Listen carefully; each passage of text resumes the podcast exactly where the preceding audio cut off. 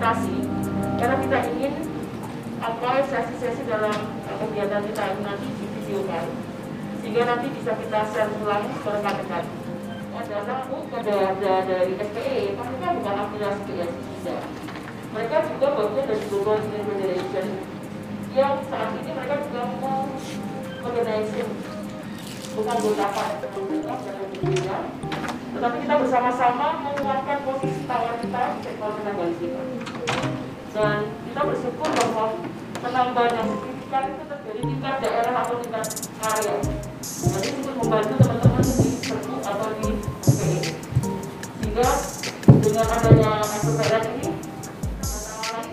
seperti itu. Karena kalau kita ngomong PKB itu kita ngomong hak.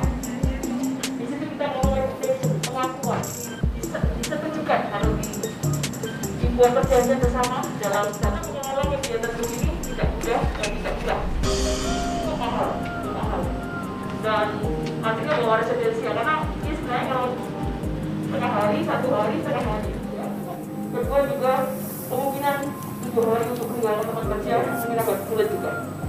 Nah harapannya kita gunakan uh, waktu ini seefektif mungkin sedaya guna mungkin sehingga uh, saling kita mengisi melengkapi komplement satu sama lain karena dalam istilah PKB itu the heart and mind of unionism is collective bargaining. Jadi hati dan jiwa kita pekerja karena dalam ada anggota yang tercatat ada iuran yang membayar iuran kemudian ada PKB dan ada penyelesaian perselisihan. Itu pekerjaan dasar daripada serikat gaji akan diberikan kepada karyawan salah satu. Atau duanya kenaikan itu akan diberikan dalam jangka waktu dua kali dalam setahun. Tiga pemberian itu akan diberikan sesuai dengan kemampuan perusahaan. Jadi ada satu pasal pasal satu pasal dua yang ngotot-ngotot tuh berunding. Isinya Pak kembali ke pasal Nama saya siapa? Assalamualaikum warahmatullahi wabarakatuh. Saya Evita Gusti, dipanggil Gusti aja. Saya dari BPIP, saya dinas di Saguling.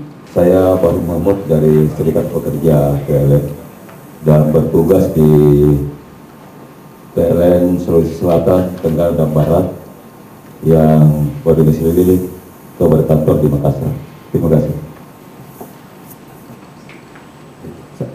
Assalamualaikum warahmatullahi wabarakatuh. Nama saya Amir Mahmud eh, dari distribusi Jawa Barat. tentang apa dan bagaimana PKB secara umum.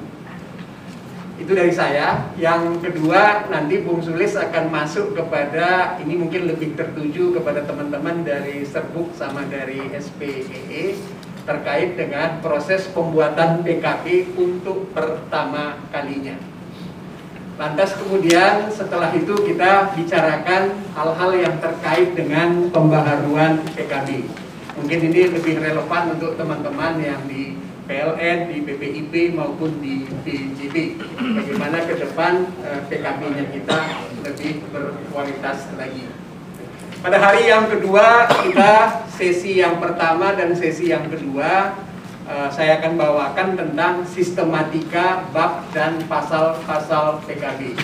Dalam kesempatan itu, in nanti mungkin kita akan katakan ketika kita bicara bab PHK ada hal-hal yang terkait dengan peraturan perundangan yang baru akan kita ungkapkan kepada teman-teman gitu ya. Eh, kemudian setelah itu kita bicarakan eh, hal-hal yang terkait dengan langkah-langkah persiapan dan tata tertib perundingan serta bagaimana menyusun draft PKB. Draft di dalam kaitan misalnya perpindahan dari peraturan perusahaan kepada PKB untuk pertama kali ataupun dari eh, PKB yang existing kepada PKB yang berikutnya. Hari yang ketiga kita bicarakan hal-hal yang terkait dengan seperti apa sih proses negosiasi gitu ya. Uh, mungkin kayaknya nggak ada waktu untuk bikin latihan secara khusus, tapi kita akan bikin semacam latihan secara situasional spontanitas saja, di mana nanti kami pura-pura berdua seolah-olah kami dari pihak pengusaha, uh, teman-teman nanti kita apa namanya simulasi sebagai teman tim perunding serikat pekerja PKB dan kemungkinan ketika untuk membuat PKB itu terjadi perselisihan. Baik perselisihan pra perundingan PKB ataupun perselisihan yang terjadi setelah PKB-nya ditanda tangani ataupun kita berselisih karena hasil perundingannya kita itu eh, kita minta 10 damai-damainya mungkin 6 tapi perusahaan misalnya cuma kasih dua terpaksa kita berselisih gitu ya jadi eh, perbedaan kemudian hal-hal yang terkait dengan perbedaan penafsiran terhadap eh, buku isi PKB-nya itu sendiri nah teman-teman eh, di kita ini ada sedikit persoalan menyangkut keragaman peserta. Ada peserta pertama datang dari katakanlah kita bilang dari grupnya SP BUMN di Serbuk. Saya agak mohon maaf sedikit. Tadinya saya bincang-bincang sulis ini serbuk apa ini teman-teman datang dari penggergajian kayu ya, dinamakan gitu ya jadi rupa-rupanya serikat buruh kerakyatan gitu ya kayaknya nggak jauh-jauh dari Kerawang ini ya Iya. soalnya saya ingat Hamid Istahori ini. Eh, teman-teman, tapi artinya di sisi yang lain ada yang sudah punya pengalaman dengan PKB, tapi juga mungkin ada yang baru pertama kali untuk PKB. Jadi oleh karenanya eh, lebih khusus kepada teman-teman yang dari grupnya eh, BUMN Ketika ada pertanyaan teman-teman masih menyangkut hal-hal yang normatif ini mohon dimaklumi. Kalau ada persoalan-persoalan yang menyangkut soal jam kerja, ya marilah kita saling bantu, saling memahami tentang latar belakang dari serikat pekerja kita masing-masing. Teman-teman, saya nggak pakai eh, nggak menggunakan teman yang di ujung bisa baca ya kalau misalnya tulisan ini. Bisa ya? Oke. Masalah. Teman dari sebelah sana. Mungkin saya giniin sedikit. Eh, kenapa kok kita harus bicara PKB atau CLE bahasa yang dari sana? Yang pertama norma atau hukum perburuan. Yang kedua norma itu nggak ngatur seluruh kepentingan pekerja sampai sekarang ini nggak ada norma bicara soal bonus. Padahal konstitusi kita bilang tiap warga negara berhak atas pekerjaan dan penghasilan yang layak. Menurut kacamata teman-teman yang di bawah ya yang layak kalau perusahaan itu ngasih bonus, tapi nggak semua. Rekreasi nggak diatur di dalam peraturan perundang. Yang ketiga, kenapa kita bicara PKB? Perusahaan itu tumbuh setiap tahun. PPIP kira-kira 2-3 tahun belakangan, katakan 5 tahun belakangan, bisa 10% tumbuh. Lebih besar daripada yang semula. Taksiran kasar saja. Teman-teman di SPME mungkin bisa kasih gambaran tumbuh perusahaan itu tidak tumbuh perusahaannya. Perusahaan. Yang dimaksud tumbuh tadinya punya pekerja 10, sekarang pekerja 15. Tadinya kapasitas produksinya 10, naik jadi 12. Itu yang kita maksud dengan tumbuh. Kayaknya tumbuh ya. Nah, sisi yang lain kita kita ngalamin kenaikan biaya hidup. Kontrakan termurah sekarang di Kerawang berapa teman-teman serbu? 800 ribu Pak. Ya, lima tahun yang lalu nggak segitu kan? Nominal upah kita naik, apalagi yang di 2012 itu lonjakan kenaikannya tinggi sekali, kenaikan upah minimum di atas 15 persen. Dihajar PP 78, cuman naik 8,3 persen. Yang kemarin karena COVID kayaknya maksimum cuman dapat 3 persen gitu ya. Nah, ini perusahaan tumbuh, kita ngalamin kenaikan biaya hidup yang kita mau nggak mau harapkan dari pihak perusahaan. Berikutnya, kayaknya nggak ada lah proses pekerjaan yang tidak disertai dengan target pekerjaan dalam rangka productivity. Anda didorong, diminta untuk melakukan pekerjaan dengan target kuantiti maupun target kualitas. Target. Tapi ternyata pertumbuhan produktivitas yang dicapai perusahaan kita nggak kebagian. Produktivitasnya naik, tapi kita nggak bagi. Kalau pakai bahasa anak-anak, ini tuntutan pekerjaan makin lama makin tinggi, tapi kok perusahaan makin lama makin pelit. Itu bahasa anak-anak di bawah. Yang nomor 6, teman-teman, PKB ini adalah indikator hasil perjuangan serikat. Jadi indikator hasil perjuangannya kita bukan mobil komando. Ya. So, juga kita juga melihat banyak kawan-kawan kita berani bicara hidup buruh, tapi di pabriknya sendiri nggak berani ngomong hidup buruh gitu ya. Jadi beraninya di luar. Itu itu nanti kita boleh bahas secara psikologis. Yang kemudian yang terakhir melalui PKB kita bersama-sama dengan pihak perusahaan menetapkan kebijakan hubungan industrial.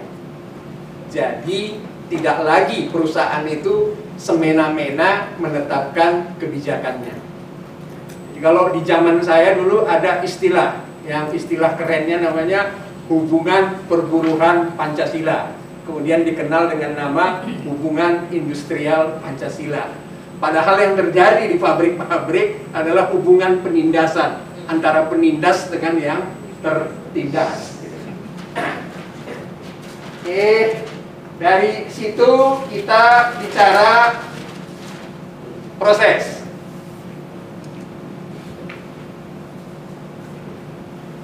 Mohon maaf, Bapak kita. Siap. Anda masuk kerja pertama kali tahun Oh, baru Pak. Tahun 92 Pak. 92. Iya. Baru. Masih ingat ya, ketika Anda lulus tes, Anda diminta untuk menandatangani perjanjian kerja. Tapi mungkin saking girangnya kita diterima kerja, ngerti Tanda baca. Teken aja. Teman-teman Bapak yang masuk setelah 92 di banyak perusahaan swasta, lah kok saya nggak tetap? Baru tahu ada PKWT sama PKWTT. Tapi dari perjanjian kerja ini, kemudian kita mengenal ada namanya peraturan perusahaan. PLN di zaman Korpri apa sudah mengenal PKB? Pak? Oh, belum Pak, masih konflik. Masih 99 ya, baru kita masuk bicara PKB. Eh, kita mengenal ada ketentuan tentang peraturan perusahaan. Perusahaan yang mempekerjakan pada waktu itu ya, di bawah pekerja di atas 25 orang wajib memiliki peraturan perusahaan. Sekarang yang 25 itu jadi 10. Peraturan perusahaan ini berisikan syarat-syarat kerja dan hak dan kewajiban serta kewajiban dan hak para. Kemudian lahir Serikat Pekerja, kita bicara PKB pertama. Tahun berapa itu Pak PLN? PKB yang pertama. Masih ingat-ingat? 786 2006. 2000? KKB Ya, 2002 2024 2002 2004 PKB yang pertama. ya tapi namanya masih KKB Ya, ya KKB, kesepakatan kerja bersama. Nah, kemudian kita pasti nanti akan kita mengkritisi PKB kita yang kini. Setelah mungkin besok kita bicara sistematika bab dan pasal-pasal PKB. Baru kita bicara nanti PKB yang akan datang. Gitu ya. Yang akan datang yang diharapkan pasti yang lebih baik daripada yang ada pada saat sekarang ini. Kurang lebih ini inti proses yang akan kita bicarakan selama tiga hari. Nah, sebelum bicara lebih jauh, kita balik dulu.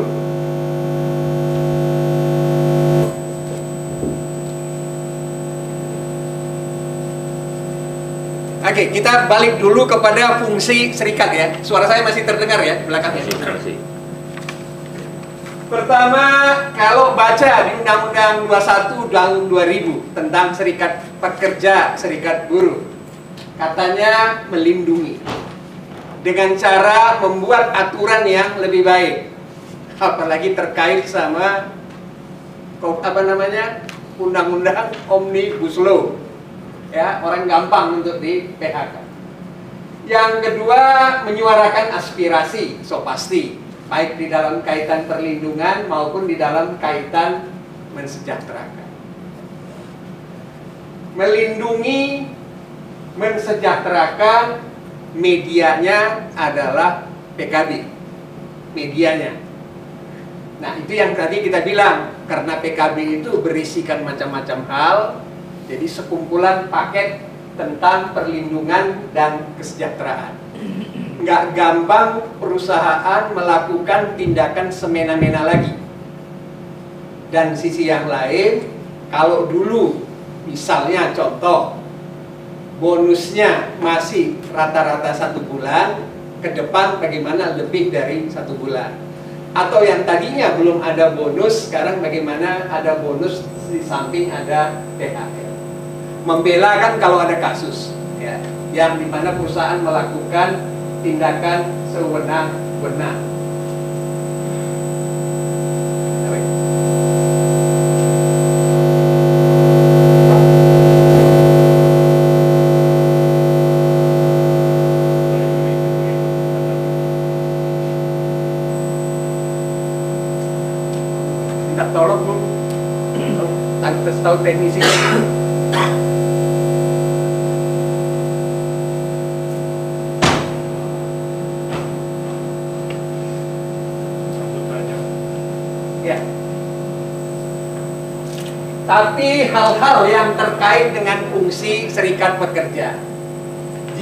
Membutuhkan yang pertama komitmen.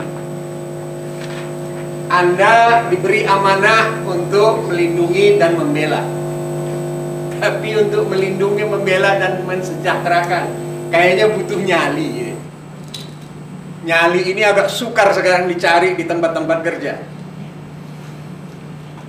ya itu yang jadi persoalan di dalam kaitan termasuk merekrut pekerja masuk kemudian yang kedua kompetensi anda nggak bisa lagi hanya sekedar semangat Anda harus tahu peraturan perundangan Anda harus tahu peraturan perusahaan Anda harus tahu buku PKB Anda yang Anda miliki sekarang di samping. Iya. Mohon maaf, kesalahan bukan di Anda. Eh, yang ketiga, pengalaman menunjukkan tanpa kekompakan mustahil bikin PKB yang lebih baik, gitu ya. Dan saya kira teman-teman di PLN ngalamin itu ya, soal hal-hal yang terkait. Nah, ketika kita bicara kumat lagi. Iya ya, saya kebetulan agak nggak awam ya untuk urusannya begitu. Ada yang teman-teman minta bantuan. Yuk, latihan deh, dan penyulangnya yuk.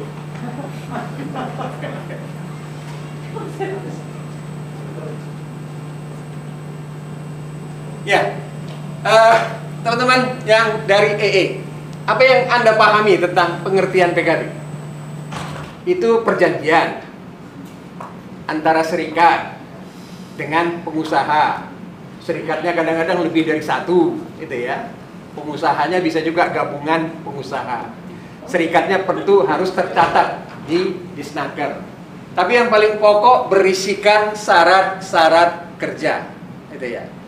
Ketika kita bicara syarat-syarat kerja, itu artinya ada norma kerja. Ketika saya bicara norma, itu artinya peraturan perundangan. Plus hal-hal di luar undang-undang.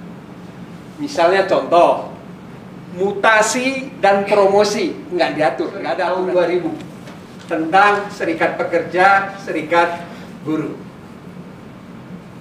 Dasar yang kedua ada di 13 2003. Teknisnya ada di Peraturan Menteri Tenaga Kerja nomor 28 tahun 2014 tentang tata cara pembuatan dan pendaftaran PKB. Nah, isi pokoknya seperti apa? Kita melihat yang di sana.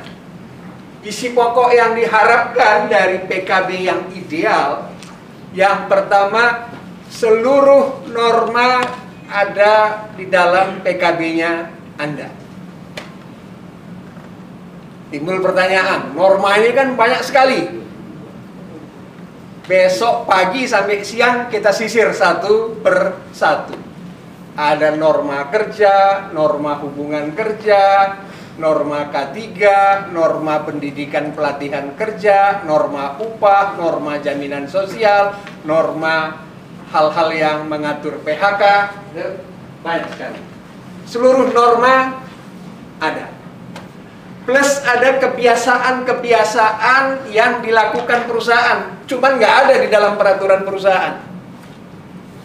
Teman-teman di PPIP atau di PJB ada kebiasaan nggak perusahaan minjamkan uang kepada pekerjanya? Ya, ada nggak itu di dalam PKB Anda? Ada.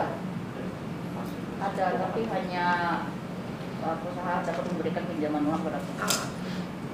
Selebihnya ada yang lewat mekanisme koperasi, kebanyakan, itu ya. Ah, Di pabrik-pabrik yang lain, contoh misalnya di Unilever Indonesia ada kebiasaan produknya perusahaan dibagi-bagikan.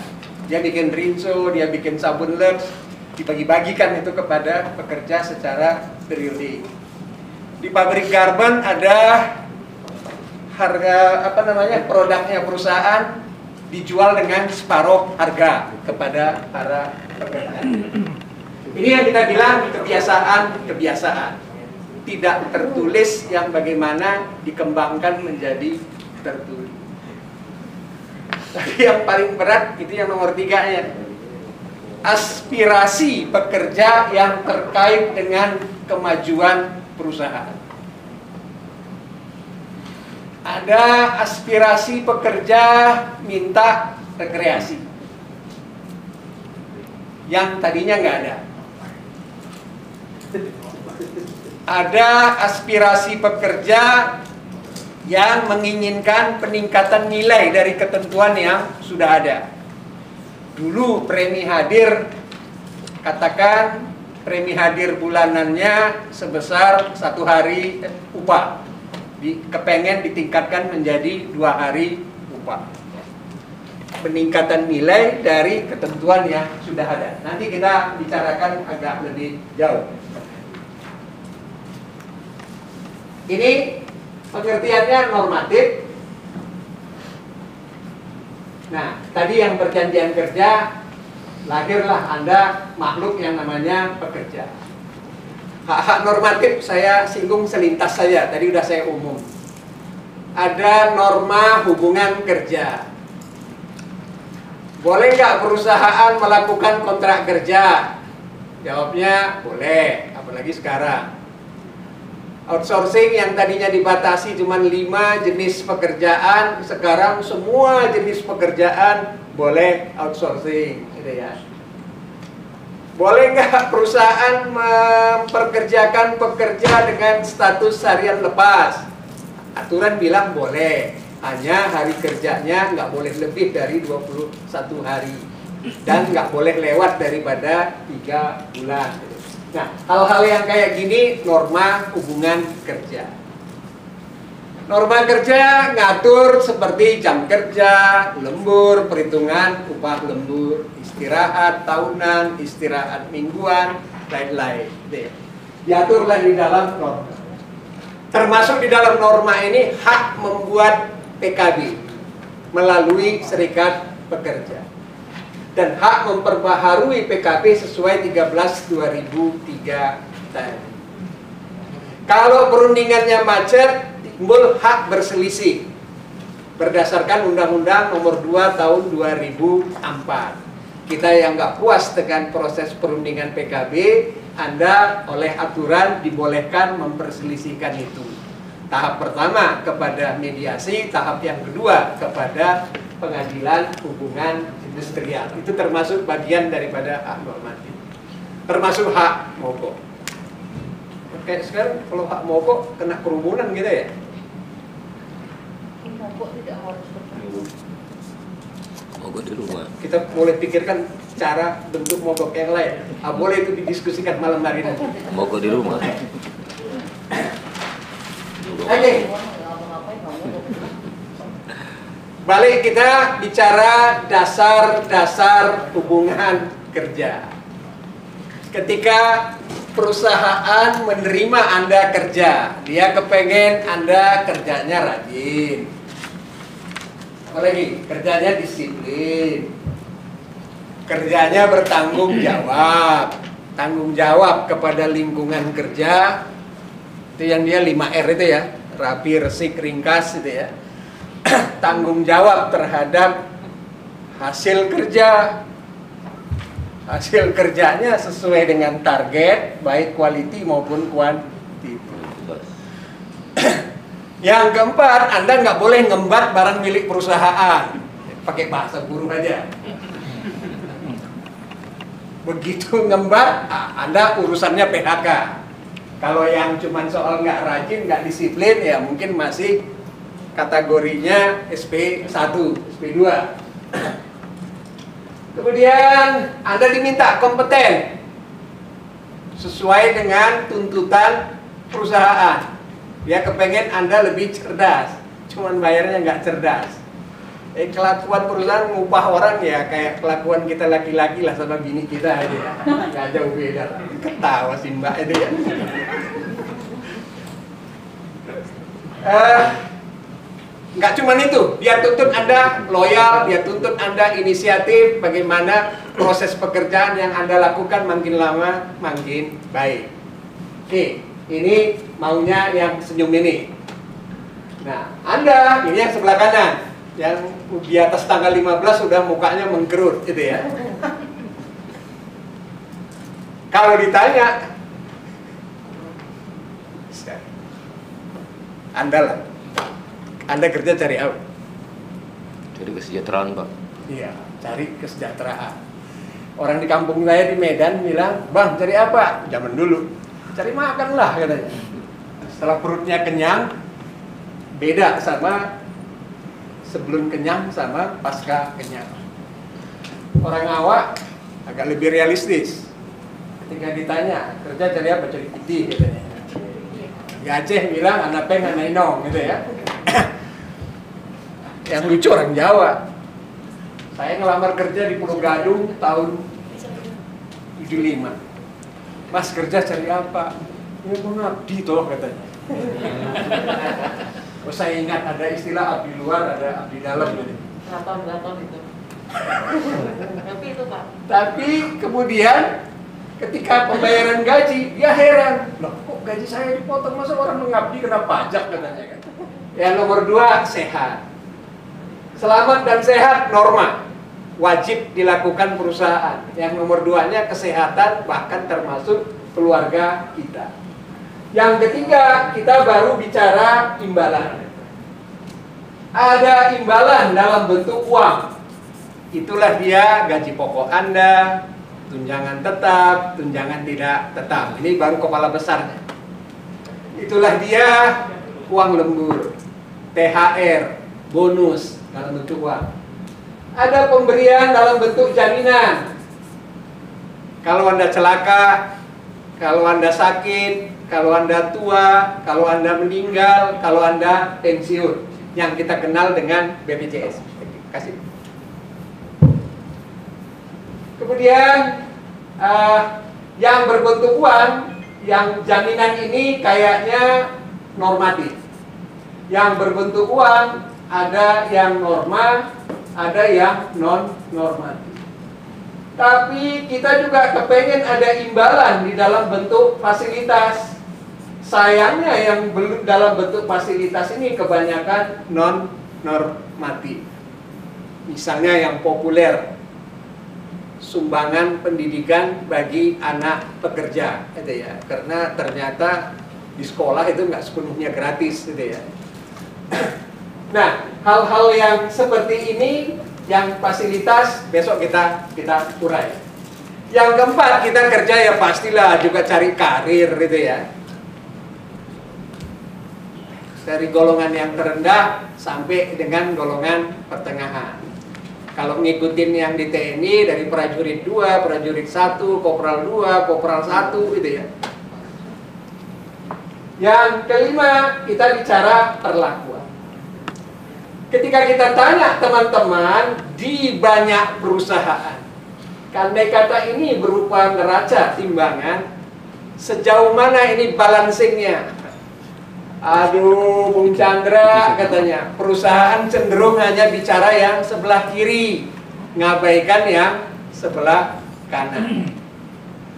Tanya juga kepada pekerja di kalangan perusahaan, aduh Pak Chandra, itu teman-temannya Pak Chandra nggak berkeringat kalau kerja, dia berkeringat hanya kalau makan, gitu kan, ngeledek kita. Maksudnya kita nggak melakukan kerja keras bagaimana ya. Nah, jadi di banyak perusahaan ini tidak balance. Dan akhirnya timbul pertanyaan, posisi serikat pekerja ada di mana? Nah, pertimbangan inilah yang dari sejak zaman revolusi industri uh, menjadi biang daripada perselisihan, biang dari mogok kerja, sampai kita bicara teori-teori hubungan industrial di mana serikat pekerja diharapkan juga balancing. Nah, jadi kembali lagi kepada persoalan teori memberi dan menerima. Kalau kita meminta saja, maksudnya meminta kesejahteraan, agak susah. Bukan hanya agak, kayaknya susah itu ya.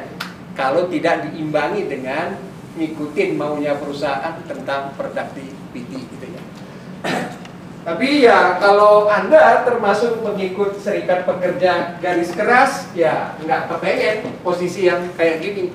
Kita posisinya harus jelas di dalam kerangka perjuangan kelas. Tapi ketika kita bicara PKB, karena kita mau minta meyakinkan pihak perusahaan untuk memberi sukar kayaknya ketika tidak balancing yang seperti ini. Oke, balik lagi sedikit agak lebih khusus kepada teman-teman di EE maupun di Serbu. Ada peraturan perusahaan. Menurut aturan wajib diberitahukan kepada pekerja. Tapi kayaknya kebanyakan peraturan perusahaan hanya ada di meja ARD saja. Nggak diberitahu. Dengan demikian kawan-kawan di bawah nggak ngerti apa yang haknya dia, apa yang jadi kewajibannya mereka. Nah, situasi ini uh, dengan sendirinya nggak disukai. Kadang-kadang ditambah lagi dengan perlakuan manajemen yang nggak manusiawi. Misalnya menegur orang yang kurang baik kerjanya. Masa ngerjakan kayak gini aja nggak bisa, bodohnya dipelihara. Masih ada cara menegur bawahan yang seperti itu di banyak perusahaan. Terjadilah benturan. Seringkali kadang-kadang mogok terjadi bukan karena perusahaan nggak melanggar uh, normatif, tapi karena melakukan nempeleng orang. Ya. Gara-gara nempeleng orang itu yang malah lebih sering timbulnya aksi. Dari suasana ketidakpuasan terhadap peraturan perusahaan ini, lahirlah serikat pekerja. Serikat pekerja ini lahir kemudian dibebanin dengan amanat, tugas dari teman-temannya. Bagaimana menegakkan hak-hak normatif supaya orang kerja dapat upah minimum, kalau lembur dibayar, tiap tahun dikasih THR, didaftarkan kepada sebagai peserta BPJS Kesehatan maupun ketenaga kerjaan. Ini namanya penegakan hak. Serikat yang pertama lahir biasanya urusannya kepada penegakan hak. Kemudian kita pasti nggak puas setelah haknya itu berjalan. Kita kan kepengen mengembangkan hak. Contoh, aturan THR 5 tahun kerja, 10 tahun kerja, 20 tahun kerja, cek Sunda teh kene. Serupa aja. Timbul pikiran teman-teman, gimana ada faktor pembeda? Bagaimana kalau yang lima tahun ke atas dikasih bingkisan lebaran? Semakin banyak masa kerjanya, isi bingkisannya semakin banyak. Gitu ya. Ini yang kita bilang pengembangan norma. Izin meninggalkan pekerjaan zaman dulu dua hari, kalau sekarang sih tiga, tiga hari untuk pernikahan. Padahal dia nikahnya di Solo, kerjanya di Jakarta. Pergi satu hari, pulang satu hari, ya ngeluh, kawinnya kapan pak katanya kan? Kurang lebih kira-kira kayak gitu. gitu ya. Nah, sederhana aja munculnya. Jadi kita butuh namanya pengembangan hak. So pasti dalam kaitan pengembangan hak, nggak mungkin lah pabrik permen bisa sama dengan pabrik otomotif. Ya, itu pasti berbeda-beda karena eh, kemampuan perusahaan, kemampuan sektor industri untuk memberi, gitu ya. Ah, di samping yang dikeluhkan tadi oleh Indah, terkesima kita perusahaan pasti memberikan bonus tapi besarannya disesuaikan dengan kondisi kemampuan perusahaan muncullah kemudian ayat-ayat di dalam PKB perusahaan akan memberikan bonus bila mana kondisi keuangan perusahaan memungkinkan untuk itu tapi kan setuju Pak perusahaannya. Iya, tetapi redaksinya menimbulkan penafsiran ganda, itu ya. Tidak kemudian beberapa saat kemudian, satu tahun kemudian, anak-anak minta realisasi bonus yang nggak ada. Kondisi kita nggak bagus tahun ini. Kurang lebih kayak gitu. Dari sini lahirlah PKB yang pertama dalam konteks di teman-teman eh, di serbuk maupun di EE urusan kita biasanya masih di dalam kaitan penegakan hak-hak normatif tapi mungkin ada plus-plusnya sedikit lah gitu ya ah, nanti teman kita mau dengar dari teman-teman kita di PLN, dari PPIP, dari PJB ada hal-hal apa lagi? Siapa tahu kita dengarkan ada bonus yang aduhai dari tempatnya mereka. Dan kita mau tanya dulu ngomongnya seperti apa? Kok bisa dapatnya kayak gitu gitu ya?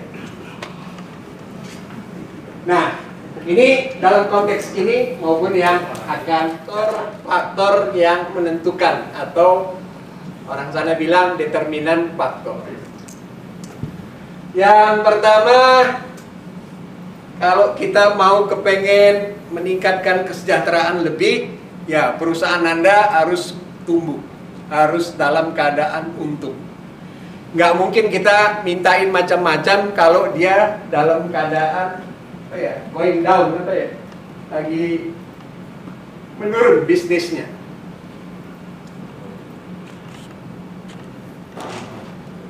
Nah, di lingkungan energinya kita, kayaknya selama COVID pengaruhnya dalam kaitan proses produksi seperti apa teman-teman? Talent atau baik yang eh, apa namanya? Teman-teman baik yang di, di energi ini baik yang dari grupnya BUMN maupun yang swasta.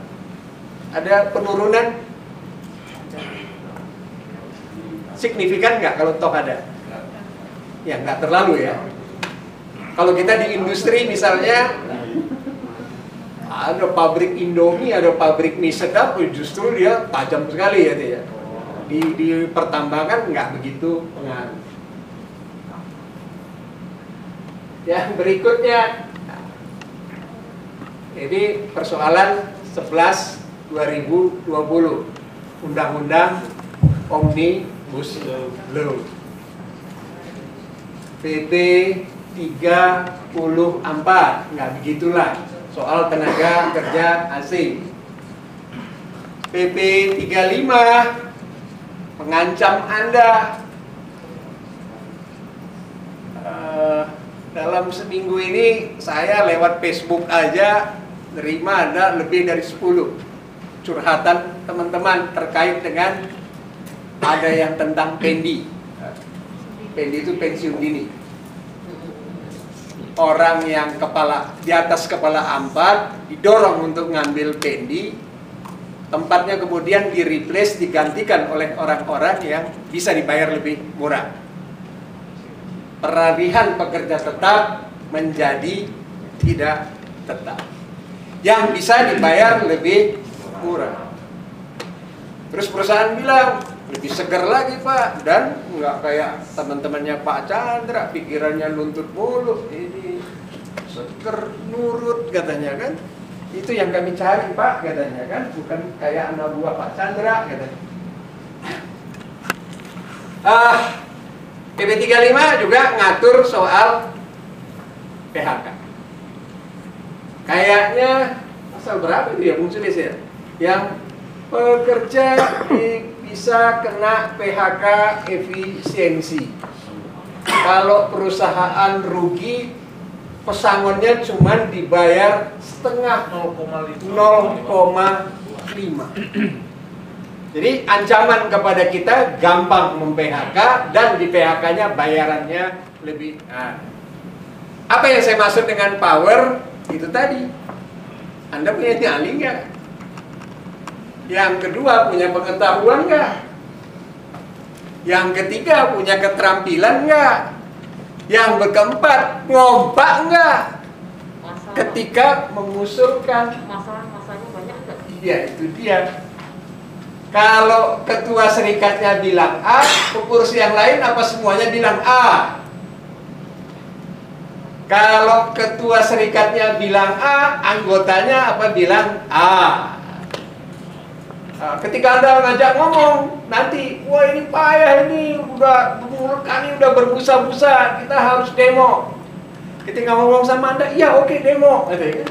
Pas hari demonya mereka nggak ngikut. Hati-hati menyatakan hal itu. Kalau nggak ada persiapan sedetil mungkin, jangan coba-coba lah. Jadi balik lagi, power SP adalah hal yang paling menentukan. Soal kenapa kok PKB penting kita bicarakan. Terus bicara pengertian PKB. Bicara prosesnya. Bicara dari sisi perusahaan. Teman-teman, nggak ada perusahaan suka sama serikat pekerja. Paling kita bilang friendly. Sama lebih banyak yang anti serikat. Nah, dengan sendirinya serikat eh, mereka juga nggak suka ketika teman-teman dari peraturan perusahaan pengen bikin PKB. Yang udah punya PKB, mereka juga nggak suka kalau Anda bikin pembaharuan PKB. Di pikirannya mereka, kalau bikin PP dari PKB pasti labor cost-nya naik. Sama juga ketika dari PKB yang sekarang kepada PKB yang berikut, dia pikir, lah ini tuntutan. Tuntutan apalagi ada tuntutan minta rekreasi yang tadinya lokal di daerah setempat, sekarang pengen rekreasinya ke Bali misalnya kayak gitu kan. Ya udah. Kita nggak pernah ngitung apa yang kita tuntut itu kan. Nah, reaksinya macam-macam. Yang pertama nolak, yang kedua apa itu ya bikin perundingan berliti-liti itu ya. Sampai Anda bosan sendiri gitu ya. Nah, kita dengarlah ada PKB bisa lebih dari satu tahun berunding nggak jadi-jadi gitu ya. Yang berunding sehari pak. Ya. Tanda tangan. Sebaliknya, sebaliknya juga terjadi. Perkara resiko. terhadap vokalis kita. Maksudnya vokalis tim Serikat. Enggak selamanya dihajar. Ada juga yang diganjar dengan naik jabatan, dapat sesuatu. Tiba-tiba dia berada di seberang sebelah sana itu ya. Tapi untuk ngancurin serikat. Aspirasinya teman-teman itu biasanya terkait dengan pertumbuhan perusahaan. Dulu produksinya 100, sekarang produksinya 200 itu. Dulu kapasitas anak-anak mengerjakan dalam tempo 10 menit, sekarang pekerjaan yang biasa 10 menit bisa dilakukan dalam tempo 8 menit. Itu menyangkut productivity. Nah, hal-hal yang seperti inilah yang menjadi tugas dan tanggung jawab kita sebagai serikat. Satu sisi undang-undang bilang memberikan hak kepada kita, walaupun pelaksanaannya nggak gampang. Hari ini kita bicara selama tiga hari di dalam kaitan itu. Teman-teman, kalau ada hal-hal yang pengen ditanyakan, diklarifikasi, kami persilakan. Nanti ada waktu beberapa menit. dan di Haleora ini ternyata Haleora Polrindo khususnya uh, sudah sudah ada serikat pekerja juga HPI dan yang saya tahu kemarin sudah ada PKB-nya Pak sudah ada, sudah ada PKB-nya dari pihak HPI-nya. Nah ini apakah ketika Pada perusahaan yang sama. Iya, pada perusahaan yang sama. Memang yang jadi crowded itu kan ketika kami memang kan sebagai pelaksana di Haleora Power. Ya kan? Tetapi kita tenaga kerjanya HPI. Nah kemarin itu saya sudah ngobrol sama orang HI-nya yang ngobrol sambil ngopi Pak. Saya tanya gini, bisa nggak PKB itu sebagai rujukan kami juga tenaga kerja non organik yang dalam uh, konteksnya teknik lah ya Pak diajukan ke PKB itu juga saya bilang kata beliau oh tidak bisa kata dia gitu nah itu saya hanya sharing aja Pak karena kalau menurut uh, apa namanya memang kalau yang sudah ada PKB ya ngapain bikin PKB lagi lebih baik tenaga kerjanya diangkut aja Ya. Jadi seperti itu Pak apakah harus di tetap berjalan itu Ya, ceritanya beliau kita bikin gambarannya kayak gini. Ya, ini contoh moderat. Yang sebelah sini pekerja tetap. Yang sebelah di sini pekerja tidak tetap. Yang tidak tetap ini katakan contoh 25 persennya misalnya kontrak. Kalau kontrak dia masih sejalan, gitu ya. Karena dia adalah pekerja dari perusahaan yang sama. Akan tetapi seperempat yang lain ini pekerja perusahaan outsourcing. Dia kayak satpam yang di bank-bank itu. Kayaknya dia pegawai bank mandiri. Padahal dia bukan pegawai bank mandiri. Dia pegawai kerja dari perusahaan outsourcing. Ketentuan bilang hanya ada satu PKB dalam satu